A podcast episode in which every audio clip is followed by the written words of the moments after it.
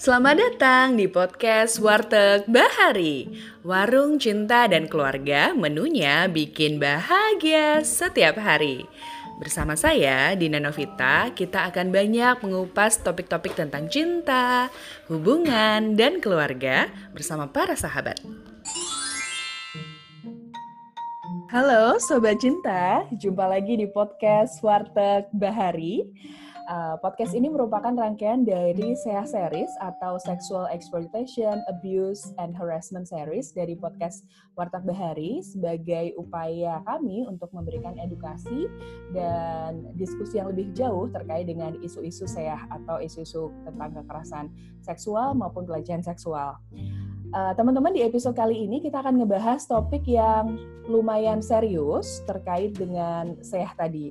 Nah, tapi lebih spesifik lagi adalah seah atau isu-isu uh, kasus-kasus pelecehan seksual dan kekerasan seksual yang terjadi di institusi keagamaan ataupun melibatkan tokoh agama. Nah, mungkin uh, buat teman-teman yang uh, mungkin sedikit awam atau nggak terlalu familiar, mungkin uh, Dina bisa kasih beberapa overview tentang kasus-kasus uh, SEAH yang terjadi di institusi keagamaan yang sudah sangat banyak terjadi di Indonesia maupun di negara lain. Nah, misalnya saja nih uh, di tahun 2011 di pondok sebuah di beberapa pondok pesantren di Jawa Tengah itu ada ratusan santri yang menjadi korban kekerasan seksual atau pelecehan seksual oleh ustadz atau kiai dengan cara melakukan sodomi kepada korbannya. Uh, kemudian di 2019 di Aceh, seorang pemuka agama telah melakukan uh, pelecehan kepada 15 siswa berusia 13 sampai 14 tahun. Jadi cukup masih muda ya, teman-teman, uh, dengan memaksa korban melakukan oral seks kepada pelaku. Nah, kemudian pelaku ini dihukum cambuk sebanyak 90 kali oleh polisi syariah. Nah, terus uh, terakhir juga ada sebuah kasus di pondok pesantren di Jombang pada akhir 2019 yang melibatkan seorang putra kiai. Uh, pelaku dilaporkan telah mencabuli uh, siswi perempuan, uh, namun juga ada menuai banyak protes dari para pendukungnya yang mengklaim ter hal tersebut sebagai fitnah. Nah, ternyata kasus-kasus serupa tidak hanya terjadi di institusi keagamaan Islam, tapi juga institusi keagamaan yang lain. Uh, misalnya saja gereja. Jadi, uh, let's say ini uh, dari uh, keterangan Pak Yusef Kristanto, ini uh, di tahun 2019 ada 56 kasus di dalam gereja-gereja Katolik di Indonesia. Kasus lainnya ada juga pendeta di Bekasi yang melakukan kekerasan seksual kepada gadis berusia 12 tahun hingga hamil. Di Jawa Timur juga ada kasus yang lain dan terakhir ini uh, dari laporannya VOA Indonesia 2020 ini ada sebuah kasus yang terjadi di paroki Santo Herculanus Depok dilakukan kepada korban berusia 11 hingga 12 tahun. Nah uniknya ini trennya nggak cuma terjadi di Indonesia, tapi lebih masif juga terjadi di luar negeri gitu teman-teman. Misalnya di Perancis, itu ada 3.000 anak tercatat telah menjadi korban kekerasan atau pelecehan seksual di gereja-gereja Katolik yang melibatkan 1.500 imam atau pejabat gereja.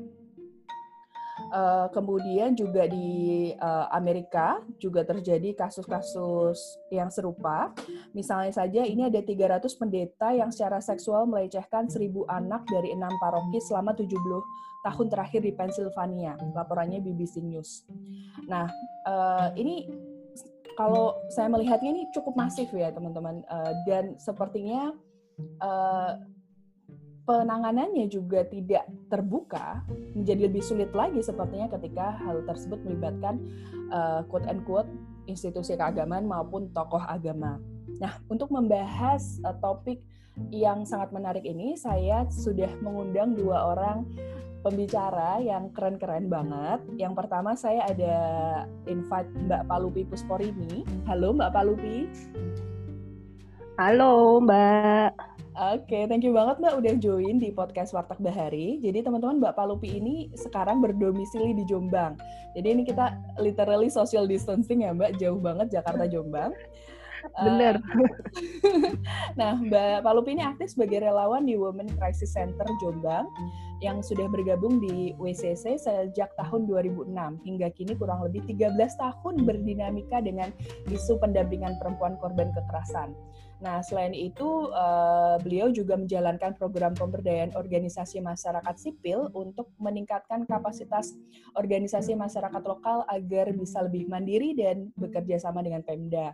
Oke, ini banyak banget ya Mbak topinya. Jadi topi di pem, uh, pemberdayaan perempuan, penanganan korban, tapi juga aktif di capacity building untuk lokal NGO gitu ya Mbak. Oke. Okay. Iya, multitasking, Mbak. Multitasking. Selain kerja-kerja uh, mungkin capacity building lainnya ya, Mbak ya. Oke. Okay. Nah, uh, yang kedua nih teman-teman saya juga udah invite uh, salah satu uh, fasilitator yang sudah sering banget ikut uh, ngobrol di podcast Warta Bahari ada Mas Duha. Halo Mas Duha. Hai Mbak Dina. Oke Mas Dua ini sesi spesial ya Mbak ya. Biasanya kita ngomongin love, relationship, and family, tapi ini topiknya lebih serius juga ya Mas. Yang sekarang kita lagi sedih juga karena uh, let's say dengan kabar RUU PKS yang baru aja di take out karena dirasa sulit gitu Mas. Nah, Mas Duha ini adalah fasilitator sekolah rekonsiliasi dan penulis buku falsafah keluarga dan parenting. Oke, okay. nah mungkin uh, aku mau ke Mbak Palupi dulu ya Mbak. Kita ngobrol-ngobrol dulu ya, uh, ladies first ya. Mbak Palupi bisa ngobrol uh, ke teman-teman podcast, uh, bisa dijelasin Mbak, uh, Women Crisis Center itu lingkup kerjanya apa aja sih Mbak? Iya, terima kasih Mbak Dina. Jadi Women Crisis Center atau WCC itu uh, isunya adalah melakukan pendampingan perempuan dan anak korban kekerasan yang berbasis gender. Hmm. Jadi kalau kita lihat kekerasan terhadap perempuan berbasis gender itu ukurannya adalah korbannya perempuan gitu aja deh. Jadi kan hmm. banyak nih kasus-kasus kekerasan terhadap perempuan, ada KDRT, ada pencabulan, ada perkosaan, ada pelecehan hmm. Kemudian ada pernikahan paksa gitu kan yang dilakukan orang tua kepada anak perempuannya hingga pada kasus trafficking atau perdagangan orang terutama yang dijual yang dijual adalah anak-anak uh, perempuan maupun perempuan dewasa. Oke. Gitu Mbak. Menarik. Jadi uh, cukup luas ya Mbak ya, tapi fokusnya adalah keywordnya perempuan dan kekerasan terhadap perempuan, begitu ya Mbak? Benar, benar banget. Nah, uh, mungkin Mbak Palupi ini udah 13 tahun ya Mbak mendampingi isu-isu uh, terkait kekerasan seksual maupun kekerasan lebih spesifiknya pada perempuan. Uh, boleh sharing nggak Mbak ke kita yang mungkin uh, lebih awam dan nggak handle kasus tiap hari gitu ya Mbak ya, kayak Mbak Palupi. Be hmm. Contoh kasus saya yang banyak terjadi gitu ya Mbak ya, khususnya yang melibatkan tokoh-tokoh keagamaan atau institusi agama yang selama ini uh, sudah terlib uh, Mbak Palupi terlibat dalam advokasinya itu seperti apa Mbak? Uh, kecenderungannya kalau kita lihat trennya di Jombang aja, misalkan karena saya basisnya fokusnya juga di Jombang, kecenderungan pelaporan kasus kekerasan seksual yang berbasis agama atau yang terjadi di lingkup agama itu jarang sekali dilaporkan. Hmm. Cuman ada dan terjadi dan pernah gitu kan. Dan uh, situasi korban sangat uh, parah artinya bagaimana dia mengalami dampak trauma yang berkepanjangan kemudian lingkungan sosial yang bisa jadi tidak mendukung dia uh, saya melihatnya pengalaman saya itu uh, kalau tidak salah sekitar tahun 2007 itu pernah ada satu kasus yang kemudian uh, pesantrennya itu ditutup oleh warga. Nah, yang terakhir yang didampingi oleh teman-teman WCC yang terbaru adalah di kasus di tahun 2000 akhir 2019 yang melibatkan itu tadi pimpinan uh, anak dari kiai uh, dari pesantren yang cukup tersohor di Jombang yang memperkosa uh, santrinya. Jadi kalau kita melihat itu sangat jarang dilaporkan, tapi ternyata terjadi. Hmm. Begitu Mbak. Kalau kalau dari pengalaman saya selama di WCC hingga sekarang itu baru menjumpai dua atau tiga kasus kekerasan seksual yang terjadi di pesantren. Hmm, Oke. Okay ini bisa se apa ya mbak ya? Sedisklus itu ya mbak ya? Mungkin bahkan yang pelakunya bukan tokoh yang dianggap penting tapi mungkin uh, tokoh-tokoh yang tidak punya power sekuat tokoh agama gitu aja tuh susah banget mbak. Tapi kalau berarti teman-teman uh, WCC itu bagaimana cara mengadvokasinya Mbak untuk kasus-kasus yang sensitif dan uh, melibatkan pelaku yang cukup powerful seperti ini Mbak? Nah ini menarik sebenarnya. Uh, dilihat dari uh, apa namanya zaman ya kalau saya melihatnya zaman atau tahun yang yang dulu berbeda dengan sekarang. Kalau uh, di pengalaman saya di tahun 2007 itu pesantren yang uh, apa namanya kiainya melakukan pencabulan memang pesantrennya tidak begitu besar. Hmm. dan daya uh, kekuasaannya dia juga tidak seberapa ini ya, tidak seberapa kuat untuk melakukan intervensi ke penegak hukum, melakukan intervensi ke pemerintah daerah. Hmm. Dan itu juga karena memang uh, periodenya berbeda. Kemudian periode sekarang adalah periode milenial yang semua tenaga apa teknologi itu canggih. Hmm. Kemudian semua sudah paham aturan hukum, semua mampu digerakkan, bahkan masyarakat juga bisa terprovokasi gitu kan. Ya, nah, ya.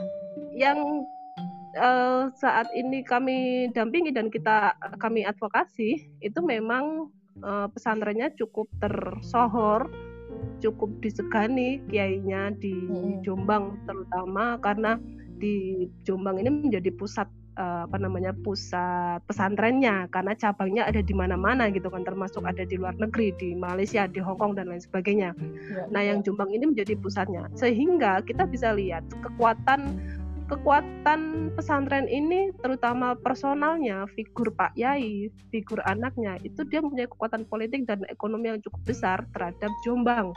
Tidak hanya Jombang, bahkan saya tidak tidak belum punya data ya, cuman ini uh, apa namanya bergulir bergulir di tingkatan jamaah-jamaahnya gitu kan, di tingkatan masyarakat juga bahwa memang uh, kekuatan politik dia cukup kuat, kemudian ekonominya juga kuat. Kita tahu bahwa kemarin waktu uh, pemilu dua calon presiden kan sempat dalam tanda kutip nyambangi ke hmm, hmm, ya, Pak Yai ini, gitu hmm, kan. Hmm. Nah artinya Pak Yai ini cukup disegani dan punya jamaah yang kira-kira bisa lah untuk diajak jadi konstituen gitu kan. Kemarin kan betul. seperti itu. Hmm, hmm, hmm. Nah kemudian kita tahu bahwa yang kita hadapi teman-teman di WCC kemudian tahu yang kita hadapi adalah bukan orang sembarangan, bukan tokoh sembarangan, bukan ecek-ecek gitu kan. Makanya kemudian kita berinisiatif membuat aliansi.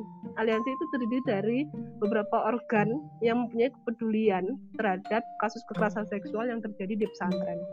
Ya. Akhirnya kita bersepakat kita namakan Aliansi Kota Santri lawan kekerasan seksual. Oke. Okay uh, ada kurang lebih 10 organ yang tergabung dalam aliansi ini yang kemudian berhasil uh, memblow up ke permukaan terkait kasus ini. Meskipun uh, proses penangan, penanganannya di tingkatan polisi penegak hukum itu aduh amburadul. Artinya kami menilainya cukup buruk lah apa yang dilakukan oleh uh, penegak hukum hari ini. Mm-hmm. karena kami tahu uh, laporan laporan yang dilakukan oleh korban itu sekitar bulan uh, November kalau tidak salah November 2019 kemudian oh sorry uh, Oktober atau ya aku lupa sih agak lupa sih. Kemudian uh, kami membangun uh, kekuat bukan kekuatan ya aliansi itu ya di awal November awal November kemudian kami melakukan konsolidasi kami mengatur strategi karena berbasis kepentingan korban gitu kan yeah. sehingga kami berhasil untuk menekan Polres yang waktu itu kasus ini ditangani oleh Polres menekan Polres untuk segera melakukan penahanan terhadap tersangka. Karena basis kita adalah laporan-laporan polisi yang dikeluarkan oleh Polres Jombang bahwa si uh, pelaku sudah ditetapkan menjadi tersangka. Meskipun uh, pihak pelaku berdalih itu tidak benar. Berdalih itu fitnah gitu kan? Iya mbak. Nah kalau orang hukum bicara tentang hukum pasti akan dilawan dengan argumen hukum gitu kan. Artinya kalau memang tidak benar ayo buktikan di pengadilan ayo bikin pra peradilan gitu kan. Tapi yang dilakukan oleh pihak pelaku tidak malah membangun opini malah membangun fitnahan malah membangun tuduhan kepada pihak Polres. Walah nggak karuan lah waktu itu. Hmm. nah tanggal 7 Januari teman-teman aliansi uh, berhasil bukan berhasil ya kami agak ketawa sih kalau ngomong berhasil. Teman-teman aliansi tanggal 7 Januari melakukan aksi damai di depan Polres yang Hmm. artinya kami demo ke Polres untuk mendesak Polres Jombang untuk segera melakukan pemeriksaan dan bahkan penahanan terhadap tersangka. Karena kami tahu siapa yang kami hadapi itu siapa gitu kan. Dan kapasitas dia duitnya itu banyak gitu kan. Bisa aja Iya. dia kabur bisa aja dia ke mana-mana gitu kan Hmm. kemudian dan kami tidak menyangka waktu itu tanggal 7 Januari pasca kami aksi seminggu kemudian ada aksi tandingan ada Oh, aksi oke. tandingan Uh-uh, ada aksi tandingan dari pihak pelaku yang kemudian hmm, apa ya dia menggerakkan jamaahnya Hmm. gitu kan jamaahnya untuk membalikkan semua opini yang beredar di media baik lokal maupun nasional Hmm. gitu. Oke. tapi kemudian yang mereka yang mereka demo dalam hal ini bukan pihak kepolisian tapi justru bupati nah ini kan lucu Ah, jadi memang lucu kan berusaha menggiring opini-opini itu ya, Mbak ya?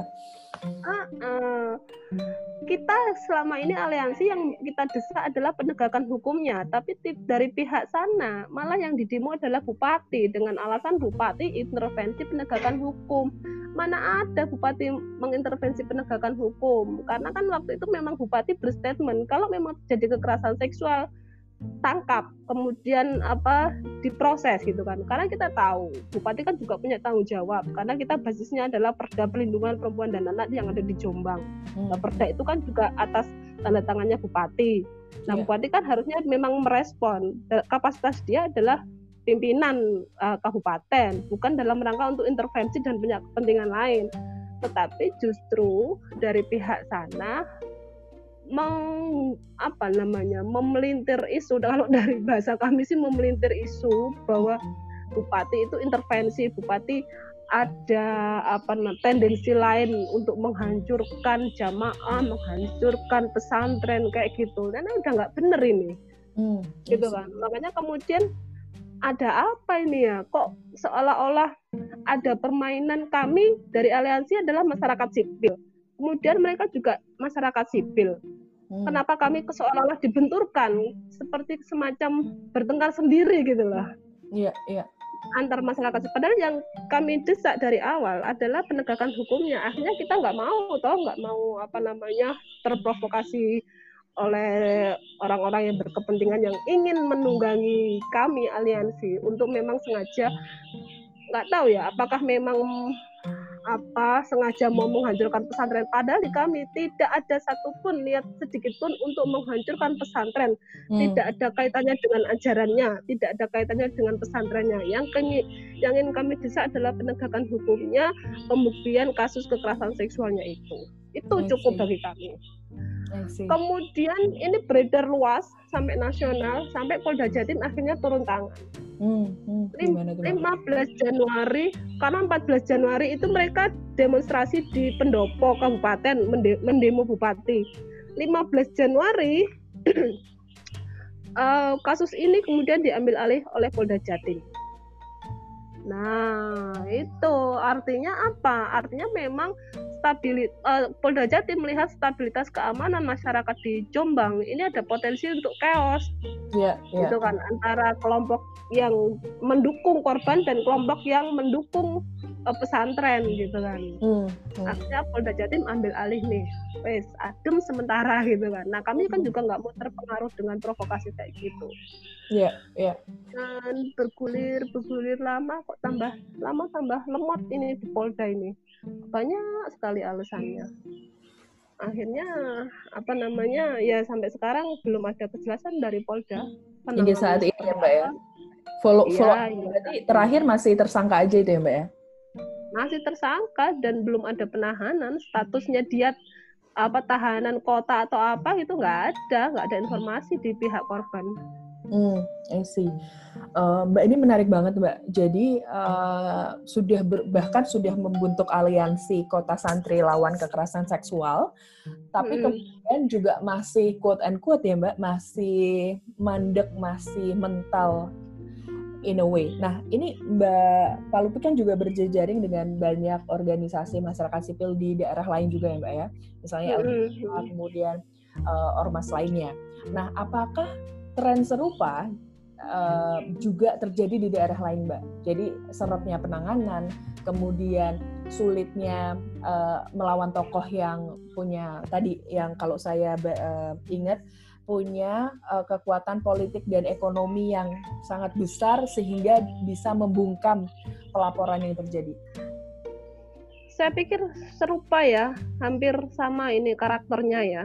Hmm. Tinggal kita lihat apalagi kalau kemudian pesantren itu punya jamaah yang selama ini uh, sami nawa atau nah artinya dia patuh tunduk apa kata kiainya gitu kan.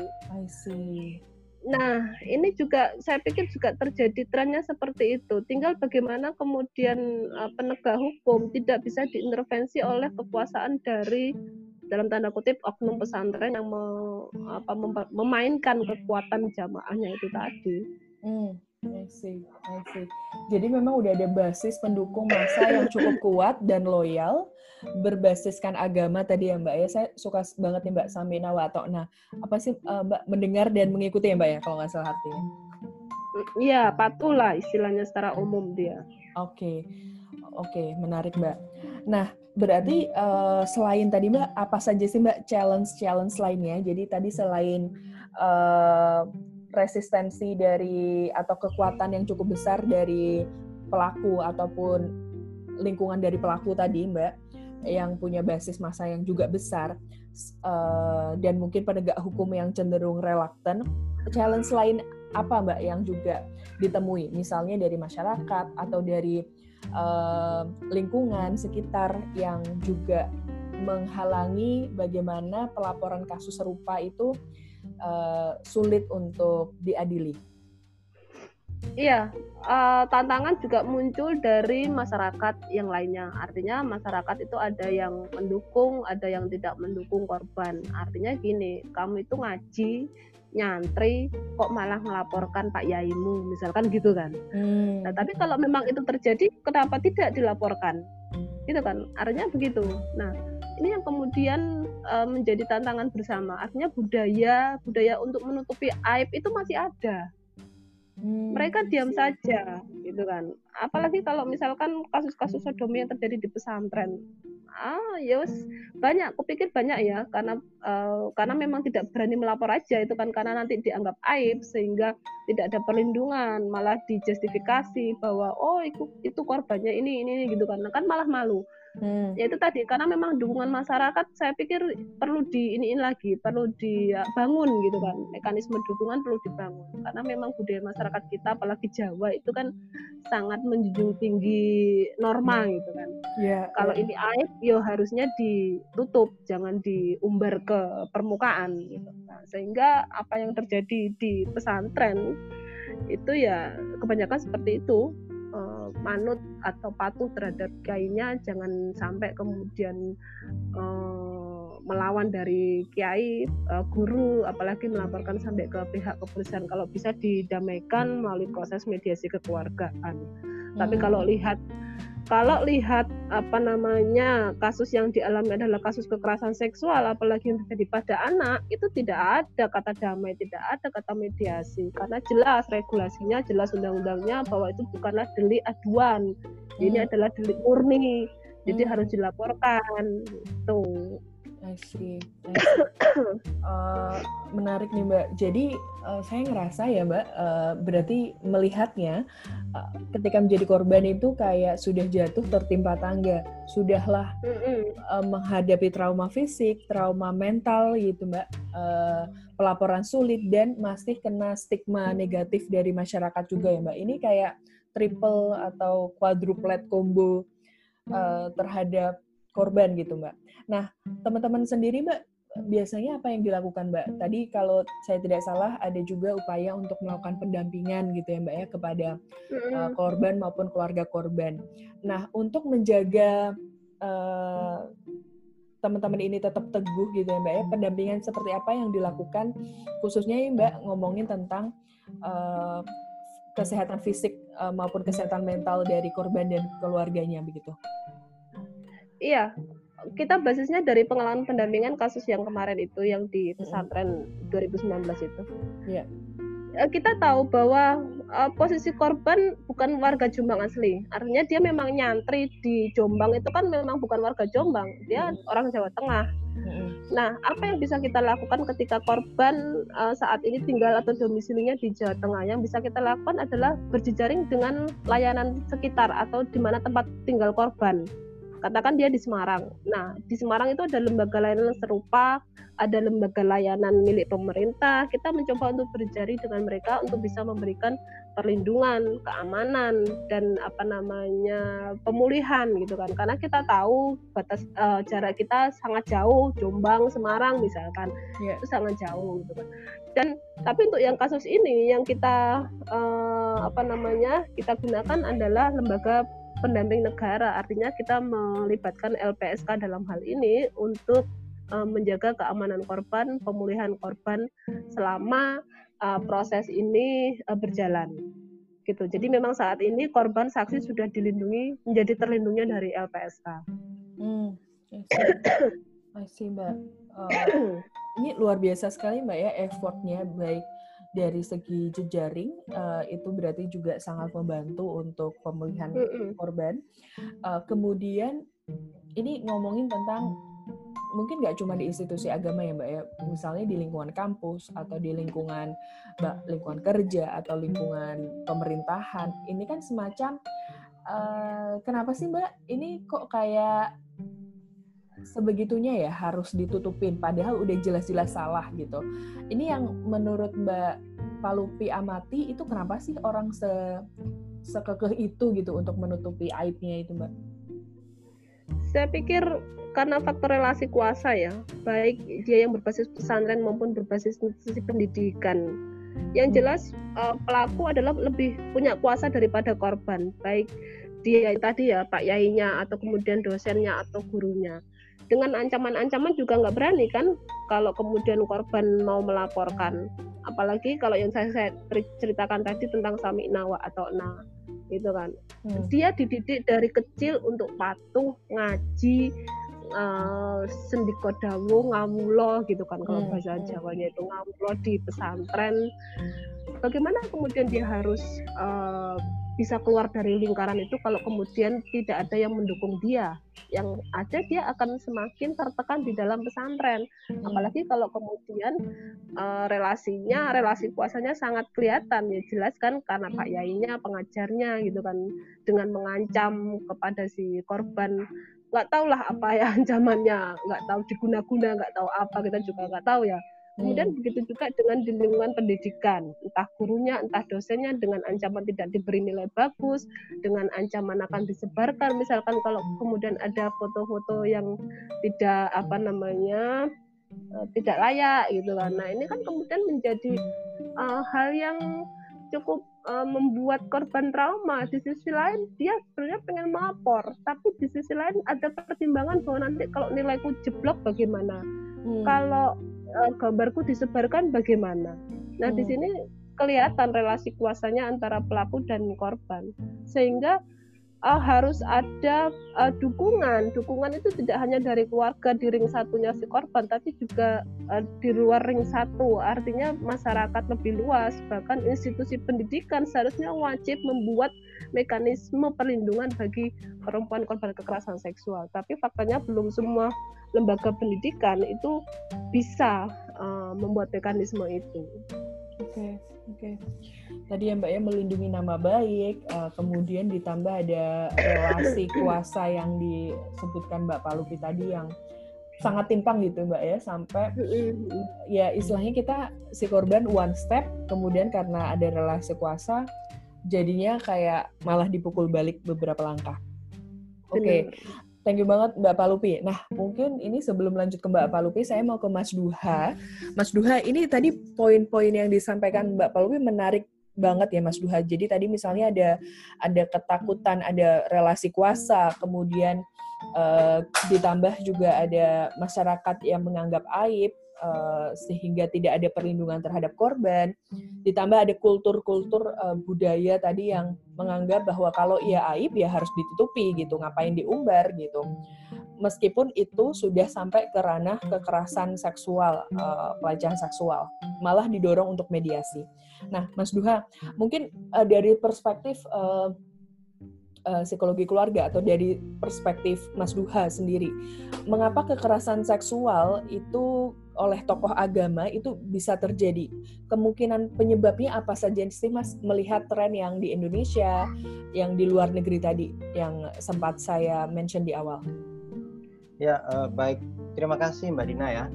Jadi sejumlah skandal yang melibatkan guru atau tokoh agama oleh masyarakat itu sering dilihat sebagai kesalahan memilih orang yang diberikan kredibilitas.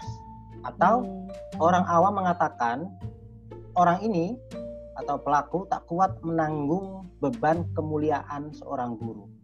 Hmm. Padahal yang terjadi pada penyelewengan kuasa spiritual itu bukan karena menempatkan orang yang salah, akan tetapi penyimpangan terjadi sebab kita menstrukturisasi kekuasaan melalui citra superioritas moral.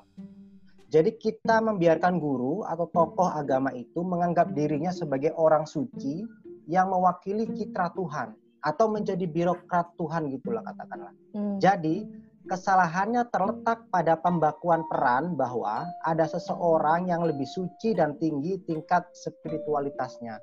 Dan oleh karena itu, dia boleh berkuasa atas yang lain secara penuh.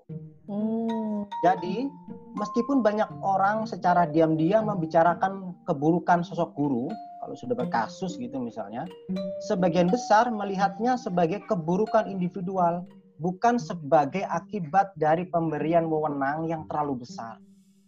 Jadi kita harus tahu bahwa penyalahgunaan kekuasaan oleh guru adalah struktural hmm. dan bukan kesalahan individual. Hmm. Nah, otoritas dan hierarki memang tidak bisa kita lepaskan dalam berbagai jenis hubungan sosial. Namun, pemegang otoris, otoritas itu tak boleh kita biarkan menjadi otoriter dengan kewenangan yang terlampau besar. Di hmm. dalam masyarakat yang memicu ketimpangan itu bukan hierarkinya atau otoritasnya, tetapi otoritarianisme yang dilekatkan pada hierarki. Nah, otoritarianisme ini sangat dekat dengan manipulasi dan kontrol karena bersifat adiktif. Karena disebabkan oleh pergulatan batin untuk selalu mendapatkan kendali, kendali apa pun, termasuk eh, dalam kasus ini adalah kendali seksual. Hmm. Terus uh, yang kedua, alasan yang kedua adalah banyak juga orang menganggap bahwa guru itu atau tokoh agama itu sudah bebas dari semua kepentingan diri atau self interest. Oke hmm. oke. Okay, okay. nah, perlu kita ketahui bahwa secara psikologis itu nggak ada orang yang uh, bebas gitu dari kepentingan pribadi gitu. Seberapapun tinggi tingkat uh, kesadarannya atau level uh, spiritualitasnya. Hmm. Nah, okay. kepentingan ini adalah unsur dasar yang melekat pada manusia. Jadi selama kita masih manusia, kita punya kepentingan tadi. Karena itu yang membuat kita cinta sebagai manusia. Jadi hmm. seseorang itu melakukan sesuatu itu untuk mencukupi kebutuhannya, siapa pun itu tak kecuali guru. Hmm. Nah, kepentingan diri ini adalah pemicu utama penyelewengan atau korupsi. Hmm jika kuasa guru diabsolutkan, korupsinya bakal absolut atau penyelewengannya bakal absolut. Nah, uh, ini kata Lord Acton itu yang sangat terkenal, power tends to corrupt and absolute power corrupts absolutely. Oleh karena itu, pelecehan yang terjadi pada yang ter, terjadi oleh yang dilakukan oleh guru itu biasanya khas yaitu jika korbannya satu pasti dilakukan berulang-ulang baru ketahuan atau hmm. korbannya hmm. biasanya nggak satu hmm. karena korban-korban yang pertama itu pasti mengalami shock loh kok begini dia nggak percaya dia ketika dia menjadi korban oleh gurunya dia yang merasa bahwa dirinya itu yang berdosa gitu atau pantas di apa diperlakukan atau di, dijadikan korban nah, hmm. nah uh, dua sebab utama inilah yang menjadikan guru itu melakukan banyak uh, penyelewengan uh, dalam kasus ini adalah uh, pelecehan seksual. Uh, selebihnya banyak lah itu pelecehan emosional, pelecehan uh, verbal, pelece pelecehan non verbal itu lazim terjadi di dunia pendidikan dan di dunia spiritualitas. Hmm, Kayak gitu, Mbak. I see. Menarik. Jadi uh, kalau tadi poinnya Mbak uh, Mbak Palupi ada power relation ya Mas, uh, relasi kuasa. Kemudian uh, kalau dari saya highlight poinnya Mas Duha tadi adalah ada semacam hmm, hal yang secara terstruktur menempatkan misalnya tadi kiai, pendeta, pastor, guru, pemuka agama sebagai orang suci. Tadi yang uh, yang menjadi tadi maklar Tuhan atau wali Tuhan tadi ya Mas ya. Sehingga akan sangat sulit untuk melawan kekuasaan itu dan justru uh, ketika hal itu terjadi, maka hmm, korban yang justru merasa ada yang salah ya sama gue gitu. Ini kayaknya nggak bener nih gitu. Oke, okay. Mas, menarik nih uh, bahwa tadi saya suka nih bahwa tidak ada seorang pun di dunia ini yang bebas kepentingan, bahkan pemuka agama sekalipun. Uh, yang kedua, Mas, mungkin lebih jauh nih, Mas, kita melihat ketika itu sudah struktural, berarti kan uh, kalau bahasa media kan terstruktur, sistematis dan masif. Nah, apa sih Mas yang bisa dilakukan dari sisi pribadi atau keluarga uh, untuk mencegah hal-hal ini atau setidaknya mengurangi resiko terjadinya pelecehan atau kekerasan seksual ini yang bisa disarankan apa mas? Ya, jadi kalau misalnya uh, dari kita sebagai orang tua gitu ya, kita harus menyadari pertama bahwa kewajiban memberikan pendidikan spiritual itu adalah kewajiban orang tua. Kemudian yang kedua, anak-anak sedini mungkin perlu dikasih ya ya kalau bahasanya teman-teman aktivis itu uh, pendidikan uh, reproduksi gitu ya untuk menghindari apa untuk mengetahui mana-mana yang termasuk uh, pelecehan seksual atau mana-mana yang uh, termasuk uh, melanggar boundary uh, semacam itu.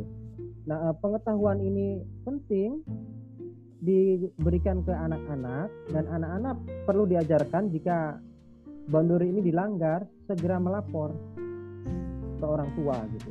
Hmm, ya, eh, ter terutama uh, bagi anak-anak yang dititipkan atau tinggal di sekolah asrama. Hmm. Oke, okay, oke. Okay. Uh, dan ini makanya tadi contoh-contoh uh, kasusnya banyak korban bahkan sampai ratusan uh, korban di pesantren tadi ya Mas ya karena again itu mungkin agak merasa korban, korban merasa takut atau khawatir ketika melapor dan kemudian kalau dari sisi sudut pandang keluarganya sendiri mungkin pendidikan tentang tadi boundaries tentang seksualitas itu kurang diajarkan juga ya mas. Betul menarik betul. menarik sekali uh, poinnya mas. Thank you banget.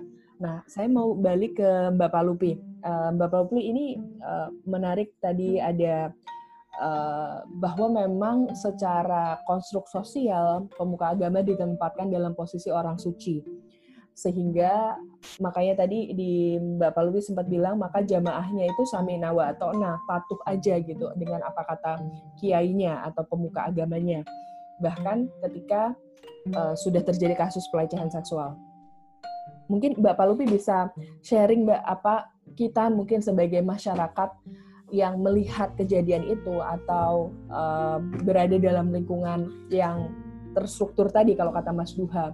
Bagaimana sih Mbak cara kita menyeimbangkan atau setidaknya menaikkan gap power tadi Mbak kepada pelaku atau lingkungan pelaku tadi? Gimana ya? Saya juga bingung ini. Bagaimana kita uh, meningkatkan gap power kita misalkan gini saya orang tua uh, dari santri gitu kan kita percaya nih bahwa di pesantren itu akan dijaga diberi ilmu yang baik dididik hmm. gitu kan hmm. tapi faktanya malah anak kita diperlakukan demikian hmm. kan kita tetap nggak terima hmm. gitu loh nah benar yang dikatakan Mas uh, Duha tadi bahwa memang dikonstruksikan selama ini sebagai orang yang apa namanya itu tadi ya superior gitu kan katakan seperti itu kita percaya pada lembaga agama kita percaya pada mereka bisa memberikan bimbingan ilmu agama yang baik nah bagaimana kemudian kita meningkatkan power? Itu yang selama ini belum terjawab mbak hmm. tapi apa yang bisa kita lakukan ketika uh, itu terjadi? Dan apa yang bisa kita lakukan agar tidak terjadi? Itu selama ini sudah dicoba. Salah satunya adalah dengan berdiskusi uh, bersama dengan pengasuh pesantren misalkan uh, uh, yang bertanggung jawab pada asrama misalkan.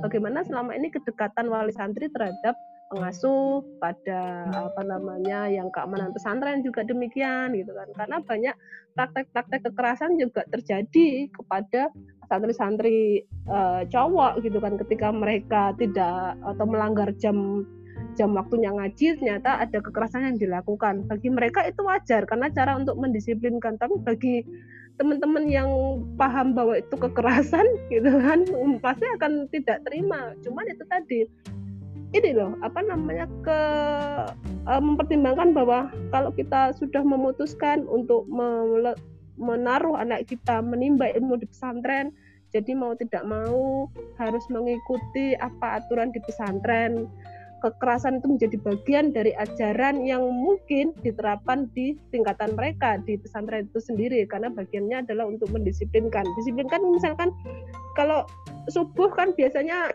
anak-anak santri itu kan kadang ada yang bangun, kadang ada yang enggak. Itu kan kadang mereka juga disabetin sama sajadah gitu itu toh hmm. untuk mendisiplinkan mereka. Saya pikir itu dalam tahap tahap kewajaran itu oke, okay. tapi kalau sudah kemudian berbicara kekerasan seksual dan ini sudah bukan lagi kita saatnya diam. Nah, makanya kemudian harus dibangun mekanisme penanganan kekerasan seksual di dalam pesantren. Caranya ya dengan berdialog dululah dengan pengasuh pesantren itu dengan yang bertanggung jawab di pesantren. Toh sekarang juga trennya pesantren-pesantren itu apalagi ada uh, KUPI ya, Kongres Ulama uh, Perempuan Indonesia yang kemudian mulai untuk mengupayakan uh, bagaimana pesantren-pesantren itu bisa ber atau ramah lah terhadap eh, santri-santri perempuan bagaimana mengajarkan uh, apa namanya mengajarkan perilaku yang tidak uh, melanggar undang-undang uh, misalkan. Atau kemudian sekarang juga banyak kiai-kiai muda yang perspektifnya uh, terhadap uh, perempuan perspektif gendernya juga bagus artinya uh, fakih-fakih perempuan juga mulai sudah di uh, gaungkan bagaimana memuliakan perempuan, bagaimana me, apa namanya memposisikan perempuan di dalam keluarga. Saya pikir itu juga sudah mulai uh, muncul ya di pesantren-pesantren. Tinggal bagaimana kemudian memperbanyak kiai-kiai progresif ini yang berpihak uh, pada kesetaraan gender itu. Saya pikir juga mulai di ini ya, mulai dikembangkan. I see, I see. Menarik nih Mbak poinnya. Uh, saya suka banget ya Mbak. Berarti ada ada good newsnya adalah sudah mulai banyak dialog, sudah mulai banyak kiai muda, um, atau mungkin tadi yang pupi tadi yang memang sudah lebih uh, responsif terhadap isu gender maupun isu-isu kekerasan seksual. Nah, uh, ngomongin tentang kekerasan seksual, tentu Mbak Palpi udah aware ya Mbak ya sama yang kemarin yang isu tentang RUU PKS yang sempat di drop karena dirasakan sulit gitu. Nah, Mbak Palpi ini uh, pandangannya gimana Mbak terhadap sikap pemerintah maupun DPR uh, dan mungkin nih partai-partai yang berpatron agama gitu Mbak terhadap RUU PKS ini? Itu lucu. Lucu ya, Mbak. Jadi Gimana, Mbak? ya seperti apa kita tahulah proses apa namanya regulasi kemudian proses negosiasi di DPR siapa orang-orangnya gitu kan. Hmm. Kebetulan saya juga terlibat dalam apa namanya advokasi RUU PKS itu bersama dengan FPL. Nah, FPL dan teman-teman Komnas Perempuan adalah menjadi menjadi salah satu penggagas dari adanya RUU PKS yang waktu itu uh, berdasarkan dari pengalaman teman-teman FPL yang terdiri dari kurang lebih 100 uh, eh, lembaga layanan di seluruh Indonesia melihat bahwa KUHP atau Kitab Undang-Undang Hukum Pidana itu hanya uh, memuat dua bentuk kekerasan seksual yaitu perkosaan dan pencabulan. Tapi faktanya teman-teman FPL ini dari Sabang sampai Merauke menemukan lebih banyak lagi. Waktu itu di awal mereka menyepakati ada 15 bentuk jenis kekerasan seksual. Lalu semakin ke sini disepakati hanya 9 bentuk uh, kekerasan seksual. Salah satunya adalah uh, eksploitasi seksual ya kalau tidak salah. Saya agak lupa itu. Kemudian di tingkatan DPR. Di, di DPR memang di awal kita pengennya uh, draft ini masuk ke Komisi 3 waktu itu. Kalau Komisi 3 dia fokus pada perundang-undangan karena kami paham di draft uh, RUU PKS ini juga bicara tentang hukum acara hukum acara terkait penanganan kasus kekerasan seksual ini. Tapi kenyataannya justru malah dialihkan ke Komisi 8. Komisi 8 itu kan komisi tentang agama dan perempuan. Jadi mencoba untuk dibenturkan dengan isu-isu agama. Nah, akhirnya bola uh, menggelinding lah sampai sekarang bahwa ini adalah apa namanya bicara tentang uh, seks bebas, bicara tentang LGBT, padahal tidak sama sekali undang-undang ini bicara tentang bagaimana memenuhi keadilan, membangun mekanisme, membangun hukum acara bagi perempuan korban kekerasan seksual. Dibahas saja belum. Mereka itu belum bahas pasal per pasal, tapi masih bahas tentang frase, frase kekerasan seksual, frase hasrat seksual. Itu aja udah polemiknya minta ampun deh kita jadi capek itu kan udah banyak dukungan petisi udah kita demo ke Jakarta itu kan udah macam-macam lah kita lakukan. Tapi nggak tahu juga karena tidak ada niatan dari apa namanya DPR untuk memasukkan lagi di prolegnas bahkan di kick gitu kan undang-undang RU ini ya kita kecewa lah. Tapi tetap upaya kita lakukan dengan berbagai macam dukungan. Tapi banyaklah masih yang mendukung di teman-teman apa namanya DPR gitu kan terutama di teman-teman balik ada Mas Taufik Basari, ada kemudian kita sangat menyayangkan juga ya yang Mbak Riko dia Pitaloka itu dia tidak jadi lagi tidak lagi jadi wakil ketua, akhirnya hmm. dia tidak bisa mengawal dari sini. Cuman dia akan bantu support juga ke teman-teman fraksi PDI yang lainnya. Kita tidak bicara tentang fraksi, tapi bicara tentang apa namanya orang-orang secara personal maupun secara kelembagaan mendukung karena mereka uh, tahu bahwa saat ini angka kasus kekerasan seksual itu cukup tinggi gitu kok kemudian RUPKS dikick dari uh, prolegnas. Apa alasannya? Yang katanya susah lah yang katanya ribet lah. Mereka kan dibayar untuk mikir gitu kan. Terus gunanya mereka di sana ngapain? Tidur. Gitu kan. Nah, jadi jengkel ini mbak. Setuju banget mbak. Setuju banget. Dengan dengan banyaknya kasus-kasus yang even kalau saya baca dari catatan akhir tahunnya Komnas Perempuan selama 12 tahun terakhir naik 700% eh, lebih kasus uh, kekerasan seksual. Nah, ini kan makin urgent gitu ya, Mbak ya, kebutuhan untuk RUU PKS ini untuk segera dilegalkan. Menarik banget. Uh, ini saya ada satu pertanyaan terakhir uh, yang saya mau direct ke Mas Duha gitu ya, Mas ya ini ngomongin uh, terakhir tadi tentang sex education yang Mas Duha sempat raise isunya di lingkup sekolah berbasis agama. Itu challenge-nya apa aja sih, Mas? Untuk sampai kita bisa membuat itu menjadi terstruktur.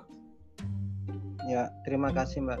Uh, sebenarnya kalau uh, pengalaman di pesantren sih ada gitu ya yang mirip-mirip uh, seperti itu. Tetapi mungkin caranya atau metodenya. Jadi Ustadz itu sering apa pendidikan seksual ala pesantren itu hanya fokus ke uh, pernikahan gitu loh, uh, seksual seksualitas di pernikahan, bagaimana mengeksekusi malam pertama, kayak gitu-gitu ya. Dan uh, sudut pandangnya itu sangat ini sangat laki-laki gitu, sangat uh, patriarkis. Tetapi kurang diajarkan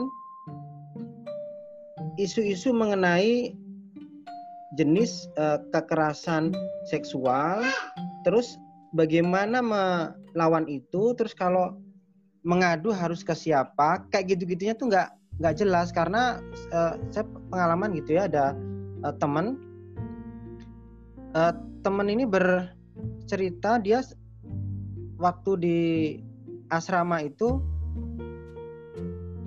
semacam diperkosa gitu ya tapi dia tidak disodomi oleh jadi uh, temen ini laki-laki.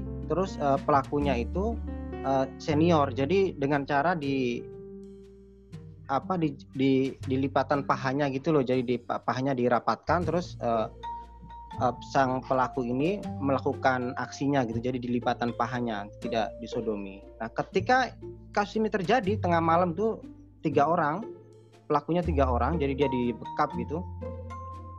Ketika dia lapor itu cuman begini udah uh, lain kali kamu kalau tidur jangan pakai sarung doang, uh, pakai celana jeans terus dirangkep.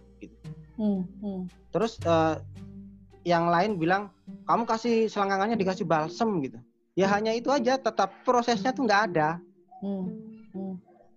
Proses selanjutnya harus ke mana? Nah ini yang kurang tuh di di situnya. Jadi uh, kalau uh, pendidikan seksualnya ada ya di pernikahan, tetapi uh, pendidikan yang uh, terkait isu-isu uh, pelecehan seksual, terus yang mana termasuk pelecehan, terus harus mengadu ke mana itu kurang. Hmm, okay. ya. I see. Jadi harus ada mekanisme yang komprehensif juga ya Mas ya dari sejak definisi, kemudian menemukan nali uh, dan terakhir uh, apa yang harus dilakukan ketika itu terjadi pada diri kita maupun kita melihat kejadian itu terjadi. Oke. Okay. Iya betul. Ya misalnya kayak gini deh. Dulu saya saya tuh melihat langsung gitu ya, ada yang kecil itu yang usia SD itu dicium-ciumin gitu loh. Hmm. Di diciumin sama uh, yang udah SMA gitu. Ini manis banget dicium-cium. Nah, itu waktu itu saya melihat juga ya nggak tahu harus ngapain gitu ya dulu belum ngerti tapi kalau sekarang ya itu perlu diurut diusut gitu loh perlu hmm. diselesaikan I see, ya, kayak, I see. kayak gitu mbak Oke, okay. uh, thank you banget Mas Duha untuk uh, sharingnya tadi dan terima kasih banyak Mbak Palupi. Ini mungkin uh, saya pengen dengar closing statement dari Mbak uh, Palupi dan Mas Duha. Mbak Palupi, Mbak Palupi melihat um, terstrukturnya dan masifnya kasus kekerasan seksual di yang terjadi di bawah naungan institusi keagamaan maupun uh, tokoh yang dianggap tadi kalau bahasa Mas Duha orang suci atau punya superioritas terhadap orang lain. Nah, melihat hal ini, menurut uh, Mbak Palupi, siapa saja sih Mbak yang bisa turut andil dalam melakukan pencegahan maupun penindakan dan uh, apa saja yang Mbak Palupi bisa harapkan dilakukan oleh para tokoh-tokoh ini? Saya pikir perlu ada sinergitas dengan uh, institusi negara ya. Artinya dalam ini juga menjadi tanggung jawab pemerintah daerah. Dengan melalui aturan atau regulasi lokal misalkan perda dengan melibatkan atau partisipasi masyarakat lebih banyak untuk membangun mekanisme atau sistem layanan yang berbasis korban gitu kan. Saya pikir ini juga uh, cukup baik gitu kan. Artinya uh, sekarang Pemda-pemda sudah mulai mengajak pesantren-pesantren untuk terlibat dalam perencanaan di kabupaten gitu kan. Yeah. Kemudian bagaimana membangun mekanisme di pesantren untuk uh, ramah perempuan misalkan ramah anak itu kan juga ada. Saya saya uh, satu aja contoh di yeah. setiap kabupaten itu ada namanya Kabupaten Layak Anak. Nah, di sini Pemda berlomba-lomba menciptakan institusi pendidikan yang dia layak anak termasuk salah satunya adalah pesantren layak anak. Artinya ada indikator yang harus dipenuhi pesantren agar dia bisa menjadi uh, ikut terlibat dalam kabupaten layak anak. Misalkan uh, apa namanya yang mudah diakses anak, kemudian layanan atau uh, metode belajar yang mudah diakses anak itu saya pikir sudah menjadi terobosan penting ya karena memang ini menjadi tanggung jawab negara juga bukan hanya menjadi tanggung jawab masyarakat seperti kita ini. Gitu hmm. Mbak Dina. Setuju, setuju sekali uh, Mbak Palupi. strong uh, closing statement. Terakhir ke Mas Duha. Uh, Mas Duha tadi melihat bahwa memang ada, memang ada masalah struktural, memang harus kita akui hal itu ada bahwa masyarakat menempatkan uh, institusi atau tokoh keagamaan tadi sebagai kalau bahasa Mas Duha orang suci dan akhirnya uh, uh, tidak punya uh, atau kepentingan pribadi atau self interest uh, mungkin yang bisa saya tanyakan adalah melihat hal ini uh, setidaknya misalnya yang harus ditanamkan dari sejak dini nih mas yang dari uh, mungkin untuk para orang tua atau calon calon orang tua yang memiliki anak itu apa sih mas yang harus dipelajari oleh para orang tua ini mas? Jadi kecenderungan seseorang untuk memasrahkan dirinya kepada guru spiritual itu karena ketidakpercayaan diri gitu bahwa hmm. dia itu mampu menjangkau Tuhan. Hmm. Nah, kepasrahan ini berarti tesis dengan kontrol atau kendali. Jadi kalau kita pasrah, kita akan dikendalikan. Ah, nah, kendali kendali inilah yang uh, menjadi biang keladi penyelewengan. Jadi kepasrahan itu berarti pergeseran dari kendali internal, kendali terhadap diri sendiri, itu menjadi dikendalikan secara eksternal, baik oleh orang lain ataupun oleh ideologi. Nah, ini yang kita tanamkan ke anak dan ke diri kita juga gitu bahwa kita bisa kok gitu sampai ke Tuhan gitu. Hmm, Tan tanpa harus uh, kayak gitu loh melalui perantara gitu loh. Hmm. Hmm. I see. Thank you banget Mas. Ini jika ini bisa ditanamkan, saya yakin uh, setidaknya bisa mengurangi konstruksi sosial yang memasrahkan sepenuhnya gitu ya mas ya. Embuh piye kalau orang Jawa mungkin bilang di uh, pokoknya wes urus saja anakku gitu mungkin. Oke okay, thank you banget Mas Duha Mbak Palupi uh, beberapa beberapa key points dari diskusi kita tadi teman-teman. Mungkin saya bisa sharing uh, pertama bahwa memang tidak bisa dipungkiri uh, bahwa memang ada relasi kuasa, ada sebuah konstruksi sosial yang membuat penanganan kasus-kasus kekerasan maupun pelecehan seksual itu menjadi sulit, apalagi ketika dilakukan oleh tokoh agama atau di dalam institusi keagamaan. Karena tadi ditambah dengan adanya uh, backingan politik maupun kekuatan ekonomi yang luar biasa. Sehingga untuk bisa beberapa hal yang bisa kita lakukan uh, tadi kalau bahasa Mbak Palupi membentuk aliansi, berjejaring, uh, melakukan sinergi dari berbagai pihak untuk yuk bareng-bareng. Bahwa ini keresahan bersama ini harus diselesaikan bersama juga dan nggak bisa sendirian. Harus ada institusi uh, pemerintah institusi penegakan hukum pembuat kebijakan sekolah keluarga. Harus bahu membahu untuk menciptakan lingkungan yang kondusif uh, agar kasus serupa tidak terulang lagi di masa yang akan datang. Terima kasih teman-teman Sobat Cinta dan Sobat Warteg Bahari yang sudah setia mendengarkan sampai akhir sesi.